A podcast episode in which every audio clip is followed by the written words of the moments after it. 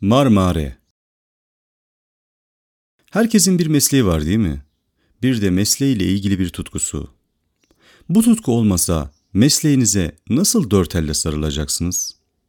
Bakır kalaycısında bile azıcık da olsa vardır bu illetten. Bende de bir tutku var ama nasıl anlatsam? Net konuşalım bari. Ben mezarcıyım. Yıllardır bu işi yapıyorum ama kendi mezarımın herkesinkinden farklı olması gerektiği hissini içimden atamıyorum. Sanırım bendeki meslek tutkusu da bu. Şöyle afilli bir mezar taşım olsa, hoş olmaz mıydı?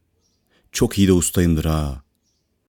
Kimlere köşk yaptı bu eller? Fani dünya meziyeti. Siz ölünce yakınlarınız bana gelecek. Boyunuzun ölçüsünü verecek. Ben de size kesme taştan, dillere şayan bir köşk yapacağım. Sevdiklerinizin sizi ve anılarınızı saklamak için yaptırdığı köşklerden yapıyorum. Üzerine şiirler, dualar, maniler yazıyorum. Senelerimi verdim bu işe. Severek yaptım. Kışın soğuğu, yazın sıcağı demedim. İşime dört elle sarıldım. Sizin de ne zaman öleceğiniz belli olmuyor. Yarın kiminiz ölecek acaba? Yoksa bu köşk sizin için mi yapılıyor? Sabahları selam verip geçiyorsunuz ya dükkanımın önünden. Selamun aleyküm, aleyküm selam hacı amca. Nedir bu sipariş koşuşturması? Sizin de siparişiniz gelmesin bana. Ama ne yapayım hacı şimdi? Acaba benim mezarım nasıl olacak? Evveli yapayım ki gören insanlar peh desin. Mezarcı mezarcı dediğin böyle olur bre. İki sene oldu sanırım. Bu anlattıklarım da o zamanki aklımın eserlerinden. Şimdi tanımadığım iki insan üzerime kürekle kum atıyor. Amacıma da ulaştım gibi. Güzel bir mezar taşı yapmışım kendime. Hey heyt. Ne kadar da büyük, gökleri deliyor. Mezarcı mezarı tam da böyle olur. Ben öldüm de tutkum ölmesin. Anlatayım bari. Kendi mezarımı yapmaya karar vermişim ama yaşadığım yerdeki mezar taşları istediğim kaliteyi yakalamama müsaade etmiyordu. Güzel bir taş bulup dört bir köşesini kendim işleyeyim istedim. Ne yapayım? Tutku işte. Bizim bir keçeci Ahmet var. Ona anlattım durumu. Ahmet gülüp dalgasını geçti ama akıl vermeyi de ihmal etmedi. İstanbul'da bu işleri yapan bir tanıdığı varmış. Beni ona yolladı. Adamı koca memlekette tanımayan etmeyen yokmuş. Elinde güzel taşlar varmış. Ustalığı ta atalardan dedelerden geliyormuş. Tezelden bu adamı bulmalıydım. Yolum uzun. Kendime güzel bir ayakkabı yaptırdım. Komşum güzel ayakkabı yapıyordu. Siparişimi verdim. İki güne kalmadan bana içi keçeli güzel bir ayakkabı yaptı. Üstümü başımı topladım, biraz da altın koydum cebime. Hiç kimselere ses etmeden İstanbul yoluna koyuldum. Keçici Ahmet'in dediği mezarcığı bulacağım. İlk amacım bu. Ahmet'in selamını iletip mezarcılıkla ilgili ince ustalıkları öğreneceğim. Sonra da kendime güzel bir taş alıp memleketime döneceğim. Aklımdan geçen, planladığım işte buydu. Ölmeden evvel kendime güzel bir mezar köşkü yapmak. İstanbul'a geldiğimde elimde sadece mezarcının adresi vardı. Kimi kimseyi tanımam. Kocaman da bir şehirmiş bu İstanbul. İlk kez görüyorum. Sordum soruşturdum. Dediğim mezarcı karşı tarafta Samatya tarafındaymış. Hiç beklemeden bir kayıkçıyla anlaşıp karşıya geçtim. Sokak sokak sor soruştur derken mezarcıyı Samatya'nın arka sokaklarında bir yerde buldum. Keçici Ahmet'in selamını söyleyip meramımı anlattım. Mezarcı yaşlı bir amcaydı. Kendisine yardım etmem karşılığında mezar taşı işinin ince işçiliğini öğreteceğini söyledi. Hemen kabul ettim tabii ki. Gerçekten de hakiki ustaymış mezarcı. Biz de kendimizi usta bellerdik. Kesme taşın ustalığını herkes yapar. Maharet mermer oymakmış meğer. Ustam mermere bir lale işliyor ki sormayın gitsin. Sanki mermere lale eki vermişler. Elleri şakır şakır. Elleriyle mermer işleyişine aşkla bakıyordum. Atölyede sadece mezar yapılmıyordu. Envai çeşit siparişler geliyordu.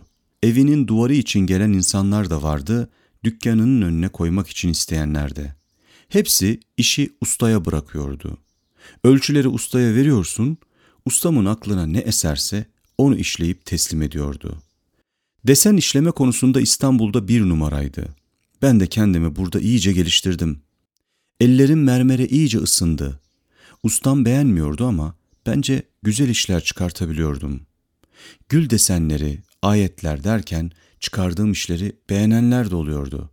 Fakat ustaya beğendirmek ne mümkün? Hep suratı bir karış. Olmuyormuş yaptıklarım.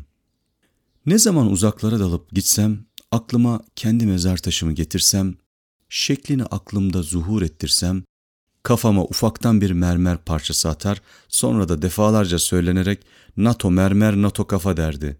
Ben kızmazdım. Sonuçta ustam. Böyle işleri öğrenmek kolay değil.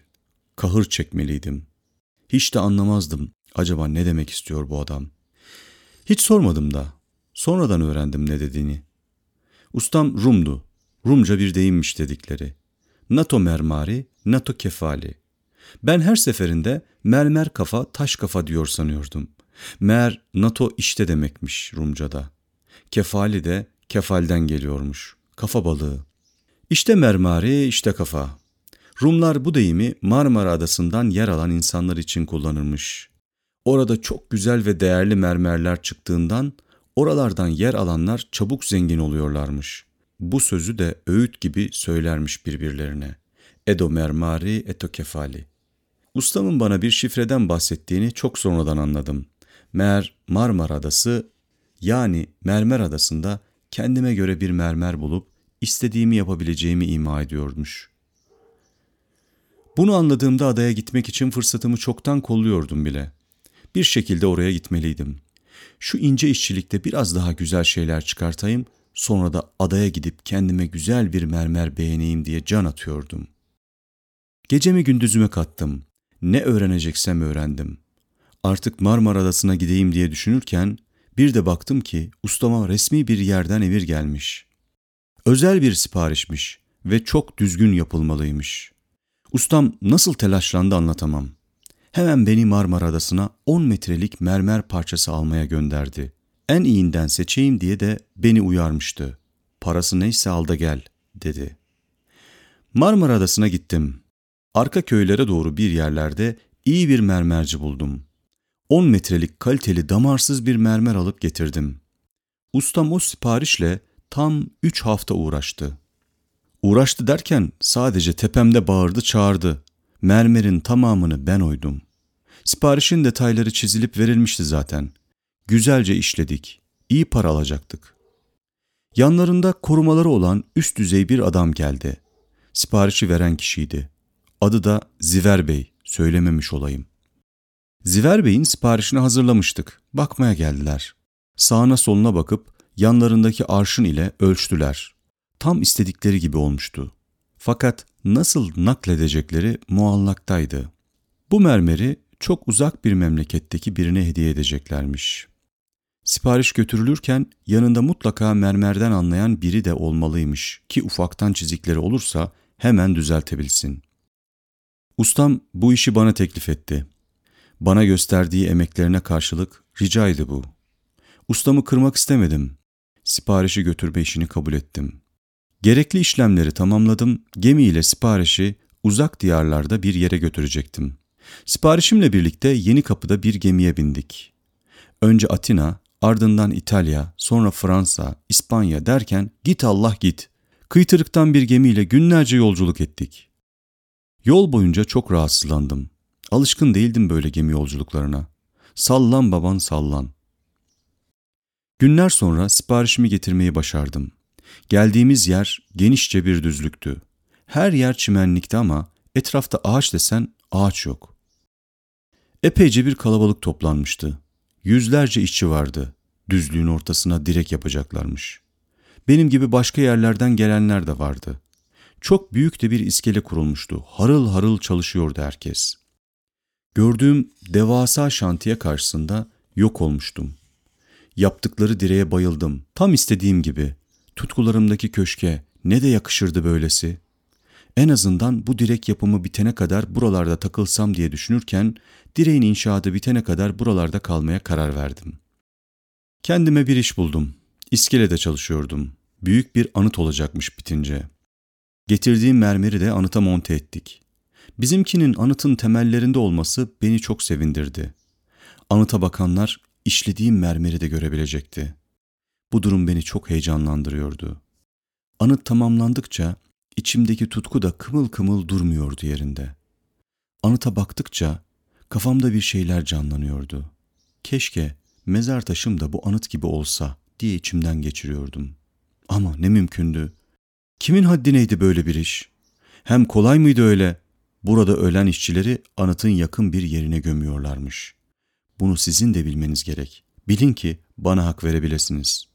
Ben şimdi bu iskeleden atlasam, ölsem, anıtın dibine doğru bir yerlerde gömseler beni. Kötü mü olurdu? Bu bizim mermerin atlarına doğru. Güzel olurdu galiba. Salı verdim kendimi aşağı doğru. Nasıl da kayıyor zaman. Uçuyorum adeta. Şimdi tanımadığım iki kişi üzerime kürekle kum atıyor. Yaban ellerdeyim ama tepemde büyük bir anıt. O anıta monte edilmiş eserim var. Bundan güzel köşk mezarı mı olur? Varsın namazım da kılınmasın. Size anlatmayı unuttum yaptığım işi. Üzerime kum dolarken siz de beni iyi dinleyin. Ben de o anıtın altında yatıyorum.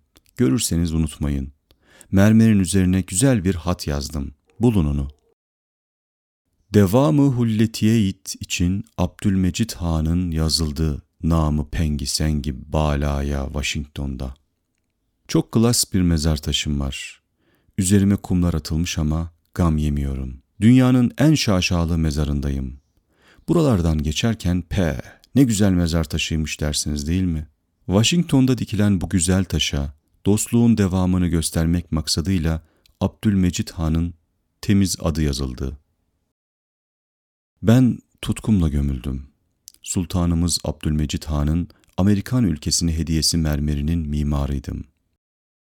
Washington anıtının temelinin az ötesinde, yaptığım mermerin olduğu tarafın tam hizasında, çimenlerin içinde bir yerlerdeyim. Ve aleyküm selam.